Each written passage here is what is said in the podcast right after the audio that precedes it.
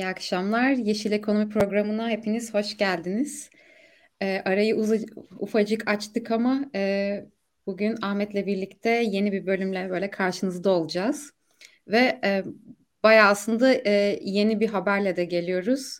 Bugün Ahmet'ten e, yeni bir rapor çalışması yaptılar. Bu rapor çalışması üzerinden hem e, karbon vergisi hem de diğer süreçler alakalı bir yeni bilgiler alıyor olacağız deyip böyle Ahmet'e de hoş geldin demiş olayım.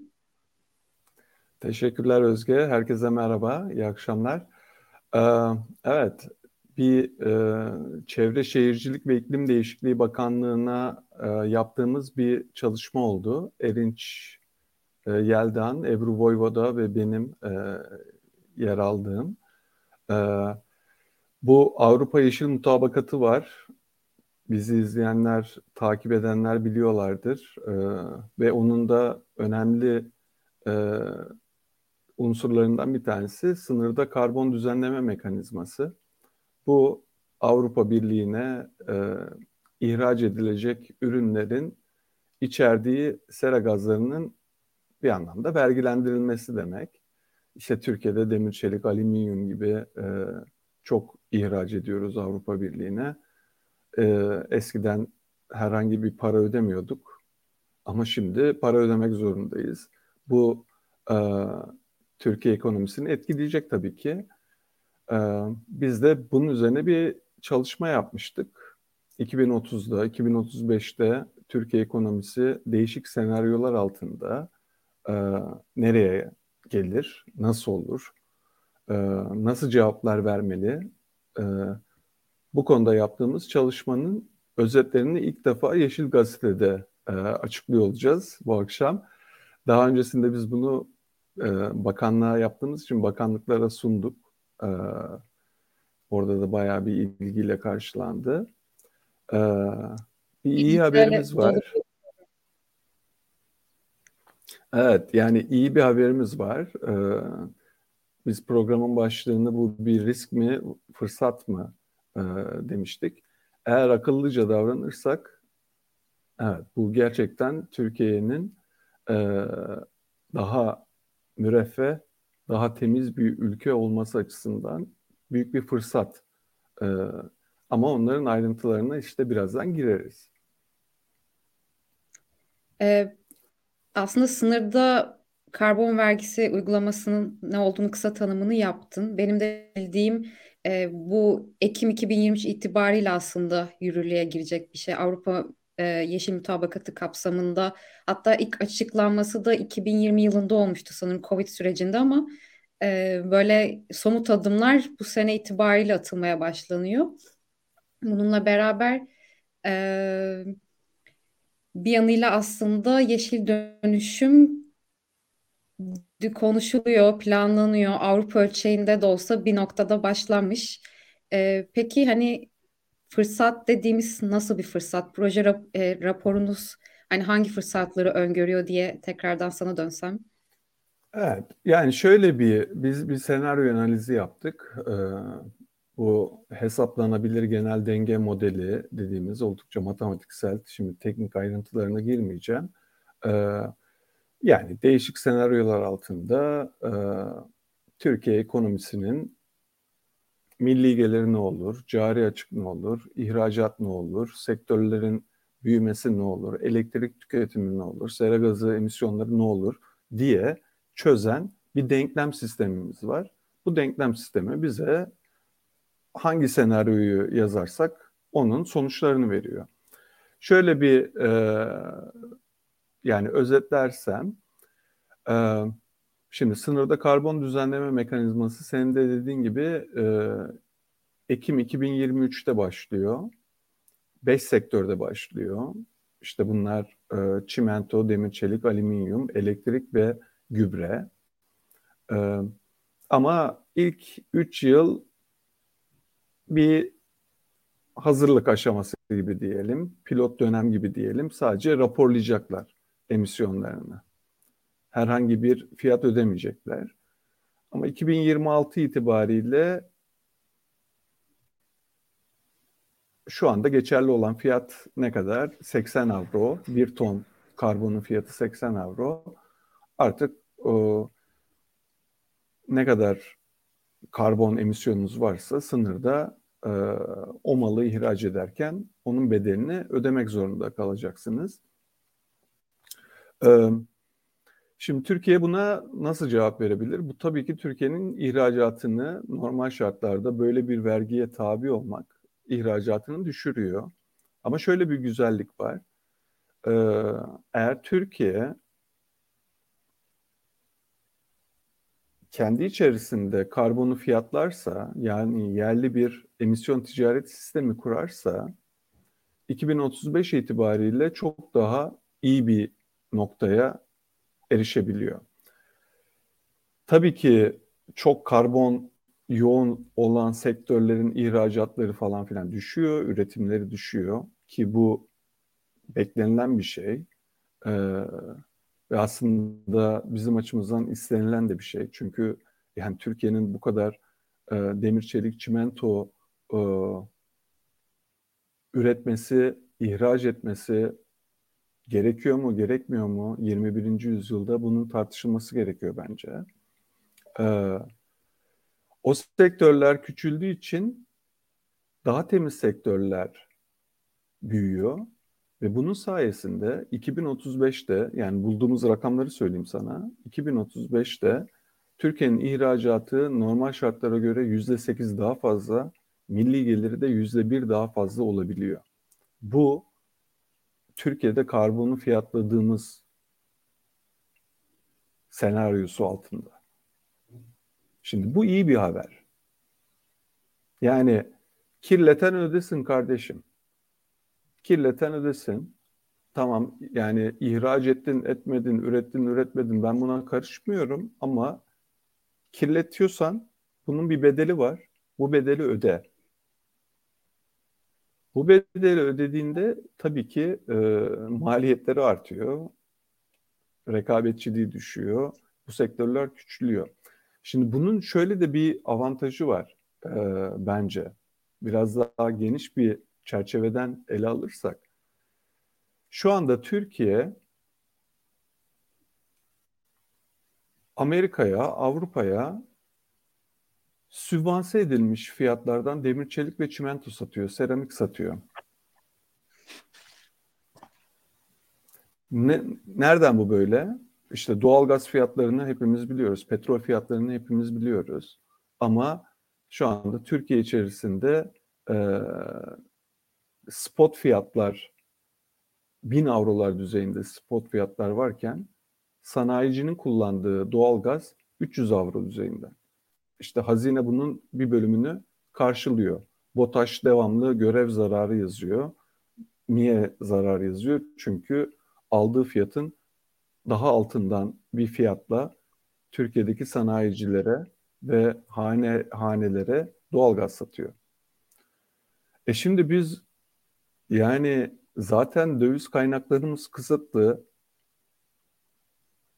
Doğalgaz bu kadar pahalıyken hazinenin kaynaklarını kullanarak bir sanayiye ucuz doğalgaz veriyoruz. O sanayinin bir kesimi de bu ucuz doğalgazı kullanarak demir çelik üretiyor. Çimento üretiyor. Tabii ki ucuzu üretmiş oluyor. Avrupa'ya kıyasla, Amerika'ya kıyasla.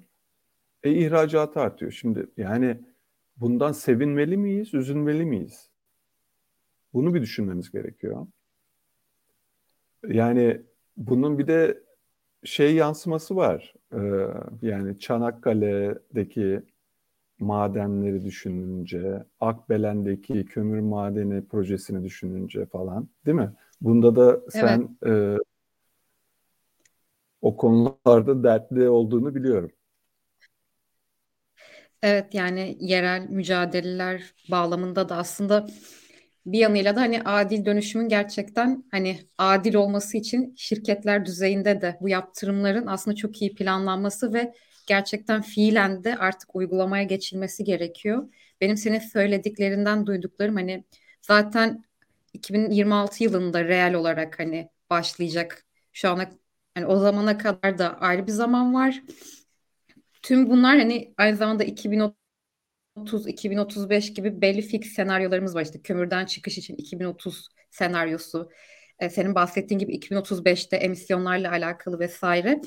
Yani bu uzak tarihler değil. Özellikle de dünya açısından hani iklim krizinin hızı açısından evet. aslında e, karşı yani orada bir ters orantı var ama bir yanıyla da bizim için gerçekten çok düzgün bir planlamayla e, devletin ve aslında her herkesin olabildiğince hani adil bir şekilde bu süreçten yararlanabilmesi e, bu kirleten şirketlerin gerçekten hani bunun bedelini ödemesiyle alakalı bir şey. Şu ana kadar bedelini zaten e, ödemedikleri için yani Akbelen'de kömür madeni üzerine yani maden genişletme üzerine genişletme, termik santral faaliyetlerinin hiçbir şekilde durmaması. Aynı şekilde Çanakkale'de de insanlar sosyal yani ekonomik olarak kendi gelir kaynaklarını kaybediyorken ve hani aynı şekilde sağlıklarını ve işte yaşam alanlarını kaybediyorken şirketlerinin sadece büyüme odaklı olarak bu yok etme sürecine devam ediyor olması zaten hani bu eşitsizliği değiş yani aşırı bir arasını açıyordu. Ee, o bağlamda gerçekten bir fırsat gibi geliyor kulağa. Tabii ki bu süreç e, ki olumlu dedin hani bunu devlet kurumlarına sunduğunuz zaman, bakanlıklara sunduğunuz zaman hani dikkatle dinlendiğini belirttin. Umarım gerçekten şey e, bir yanıyla da planlamaya alınma gibi bir motivasyonları da olmuştur ilerleyen süreçler içinde. E, yani yani vakit kaybedilmeden başlanması gereken bir şey. Evet, evet. Yani çok haklısın. Ee, bu gerçekten bir fırsat. Yani bu rapordan çıkan sonuç Akbelen'den e, çık, bu projeleri iptal et. Çanakkale'de e, yeni kül havuzu, kül alanı açmayı bırak. E, Türkiye daha zengin olacak.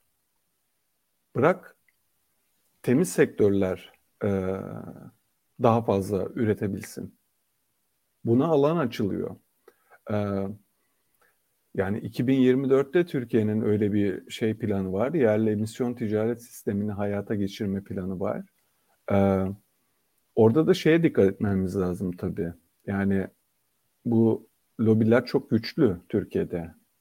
Termik santral sahipleri, çimento fabrikası sahipleri çok güçlü. Ee, yani ellerinden geldiğince e, fiyatı düşürmeye çalışacaklardır karbon fiyatı şu anda Avrupa'da dediğim gibi 80 avro, 90 avro civarında. İşte biz 10 avro yapalım falan filan. Buna kesinlikle bence e, izin verilmemeli.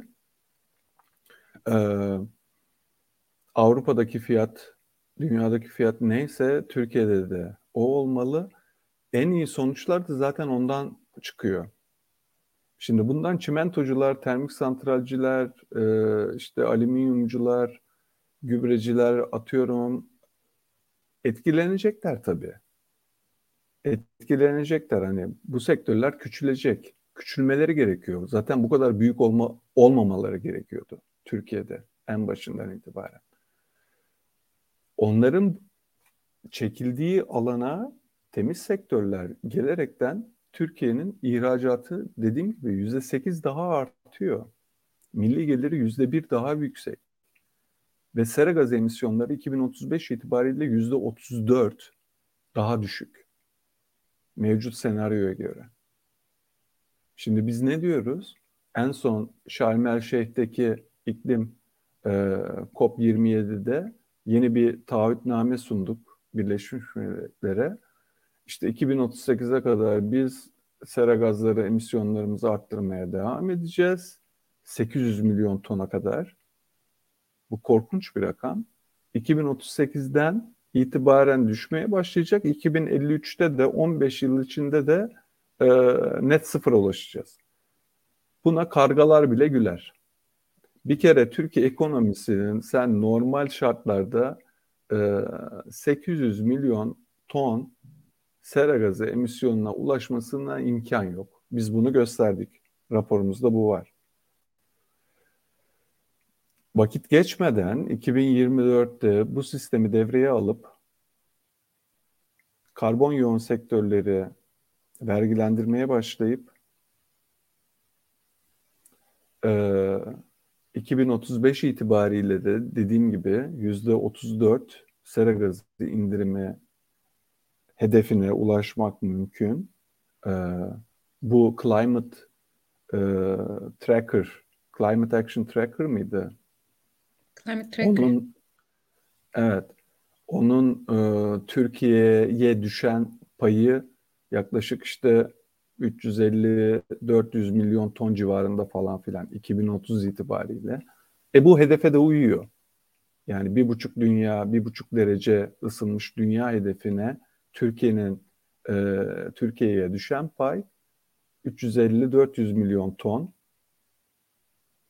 karbondioksit, sera gazı emisyonu. Ee, bununla da uyumlu.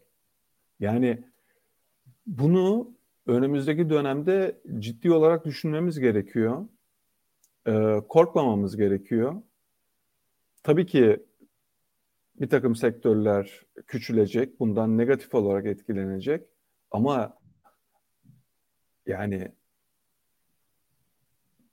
başka sektörler var. Daha büyüyecek, daha temiz, daha katma değeri yüksek olan sektörler var. Bu kaynaklar oraya aktarıldığında ise onların üretimleri artıyor, onların ihracatları artıyor ve onların da milli gelire katkıları daha yüksek. Dolayısıyla e, bu sınırda karbon düzenleme mekanizması e, eğer aynı kafayla gidersek bir risk ama eğer e, bu kafayı değiştirirsek e, ve gereken düzenlemeleri, regülasyonları yaparsak e, Türkiye için çok iyi bir fırsat diye düşünüyorum ben. E, raporun bence hani özeti bu oldu.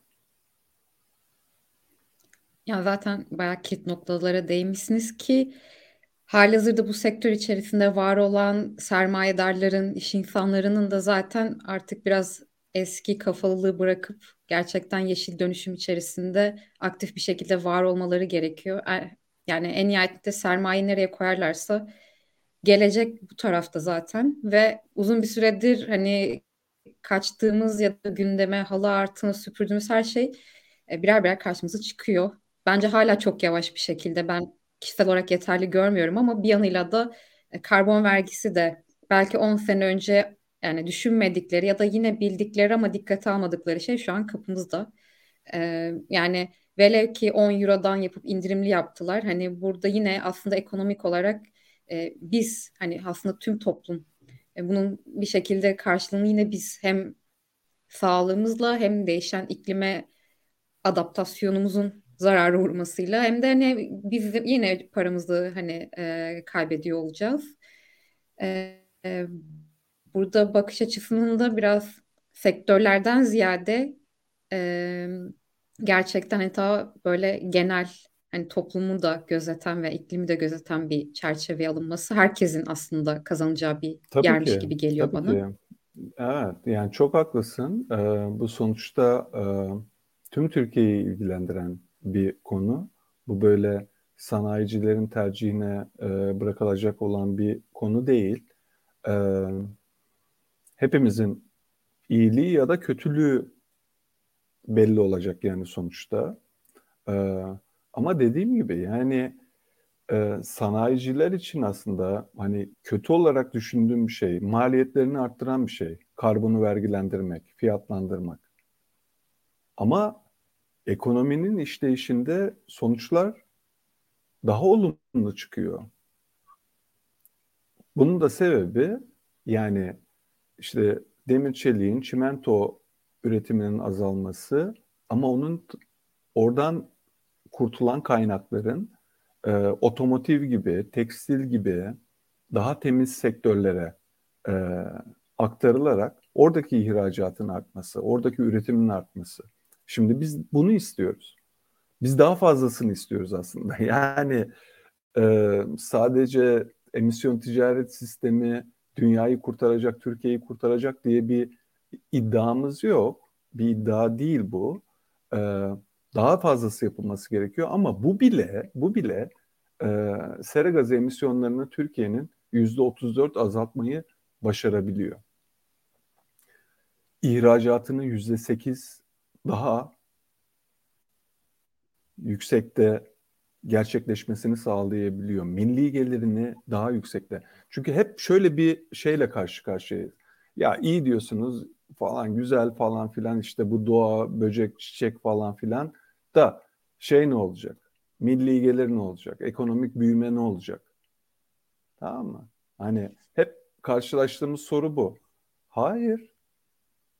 Eğer akıllıca bir düzenleme yaptığında sen Türkiye'de kardeşim kirleten ödesin dediğinde ha, bu daha zengin bir ülke dediğim gibi milli gelirin yüzde bir daha yüksek olduğu, ihracatın yüzde sekiz daha yüksek olduğu, sera gazı emisyonlarında yüzde otuz dört daha düşük olduğu bir ülkeye ulaşmış oluyorsun.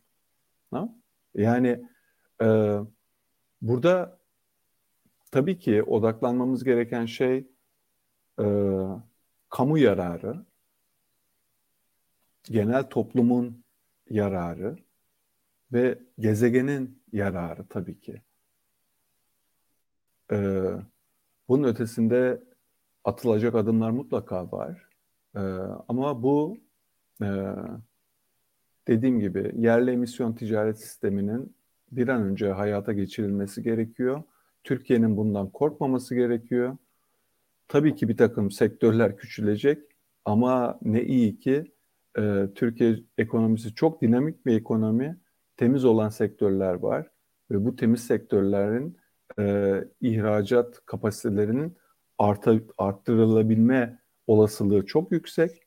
E, bu kaynaklar orada değerlendirildiğinde üretim de artıyor, ihracat da artıyor, milli gelir de artıyor ve aynı anda sera gazları emisyonları düşüyor.